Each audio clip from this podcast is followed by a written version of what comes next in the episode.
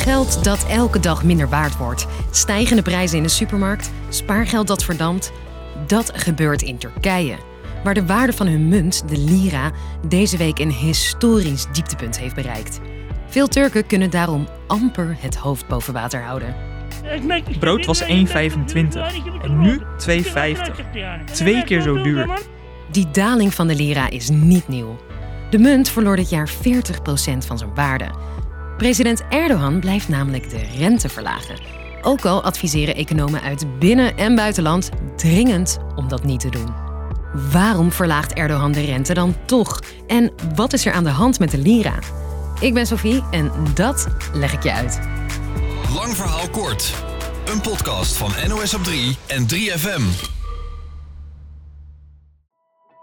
Het is een roerig jaar voor de lira, met deze week als stormachtig dieptepunt. En dat merkt elke Turk. Toen ik met pensioen ging, was wat ik kreeg 450 dollar waard. Nu is mijn pensioen van 2500 lira nog maar 180 dollar waard. Niemand kan voor zichzelf zorgen.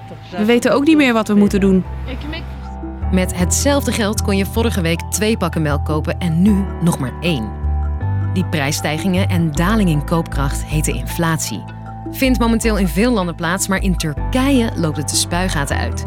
Je hoort correspondent Mitra Nazar. Nu zien we dus eigenlijk dat, dat president Erdogan op allerlei manieren probeert Turkije hier uit te halen. Maar dat zijn allemaal manieren waarvan economen zeggen.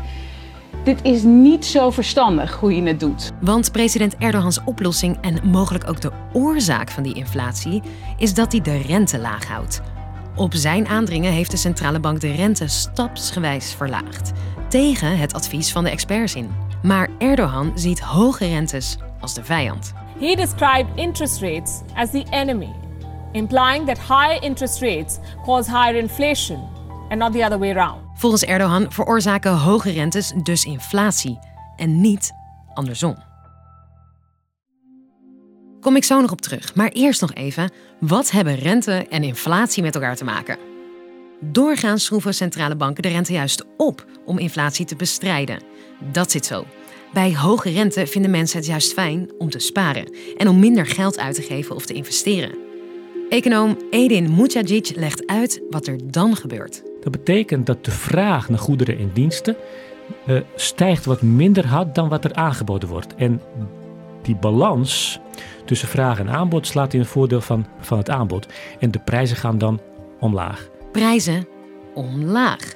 Maar president Erdogan doet dus precies het tegenovergestelde. Door de lage rente is sparen onaantrekkelijk en geven mensen meer uit. Dus stijgt de vraag en stijgen dus ook de prijzen. En het is onduidelijk waarom Erdogan de rente dan toch blijft verlagen. Zelf verwijst hij naar de islam, waar rente, ofwel geld verdienen met geld, verboden is. Maar er is ook een ander geluid. Ik denk dat de meest volgbare theorie is uh, het volgende. Um, kijk, Erdogan is degene die de geschiedenis wil ingaan als de leider die de Turkse economie volledig heeft hervormd. En het land uh, dat heel erg afhankelijk is van import, daar wil hij een groot exportland à la China van maken.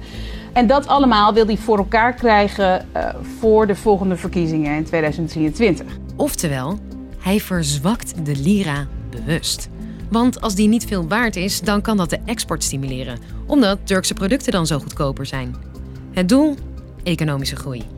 Een gevaarlijk experiment volgens sommige economen, want de Turken betalen letterlijk en figuurlijk de prijs en de onrust neemt toe.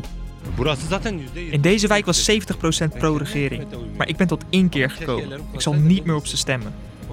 En plots steeg deze week de koers van de lira opeens toch een beetje. Erdogan heeft waarschijnlijk in een vlaag van besef dat dit hem toch wel een hele hoop stemmen gaat kosten, een maatregelenpakket aangekondigd. Heeft hij gezegd: vanaf nu uh, gaan wij de koersschommeling compenseren. Dus je hoeft je geen zorgen meer te maken om je spaargeld. Daardoor is de lira maandagavond als een gek omhoog gegaan. Erdogans beleid is voor velen onnavolgbaar, want niemand weet hoe hij dat gaat betalen. De rente verlagen om inflatie tegen te gaan is een redenering die bijna alle economen dus onlogisch vinden. Net als politieke bemoeienis in centrale banken. Econoom Mujagic. groot verschil in de mate waarin de inflatie in de wereld oploopt en de mate waarin de inflatie in Turkije oploopt. En dat verschil in die maat komt echt vooral door het feit dat de politiek in Turkije zich bemoeit met het beleid van de centrale bank. Sinds 2003 heeft Erdogan al drie keer een president van de centrale bank ontslagen vanwege meningsverschillen. En begin deze maand zette hij zijn minister van Financiën op straat. Dat wispelturige beleid zorgt voor weinig vertrouwen, waardoor mensen liever hun geld in stabiele euro's of dollars bewaren. Dat gebeurt uh, nog steeds heel massaal en dat is natuurlijk ook de reden waarom die lira uh, steeds harder keldert.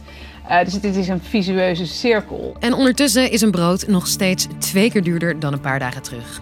Benieuwd hoe duur het morgen is. Dus, lang verhaal kort. De Turkse lira is in een soort vrije val geraakt.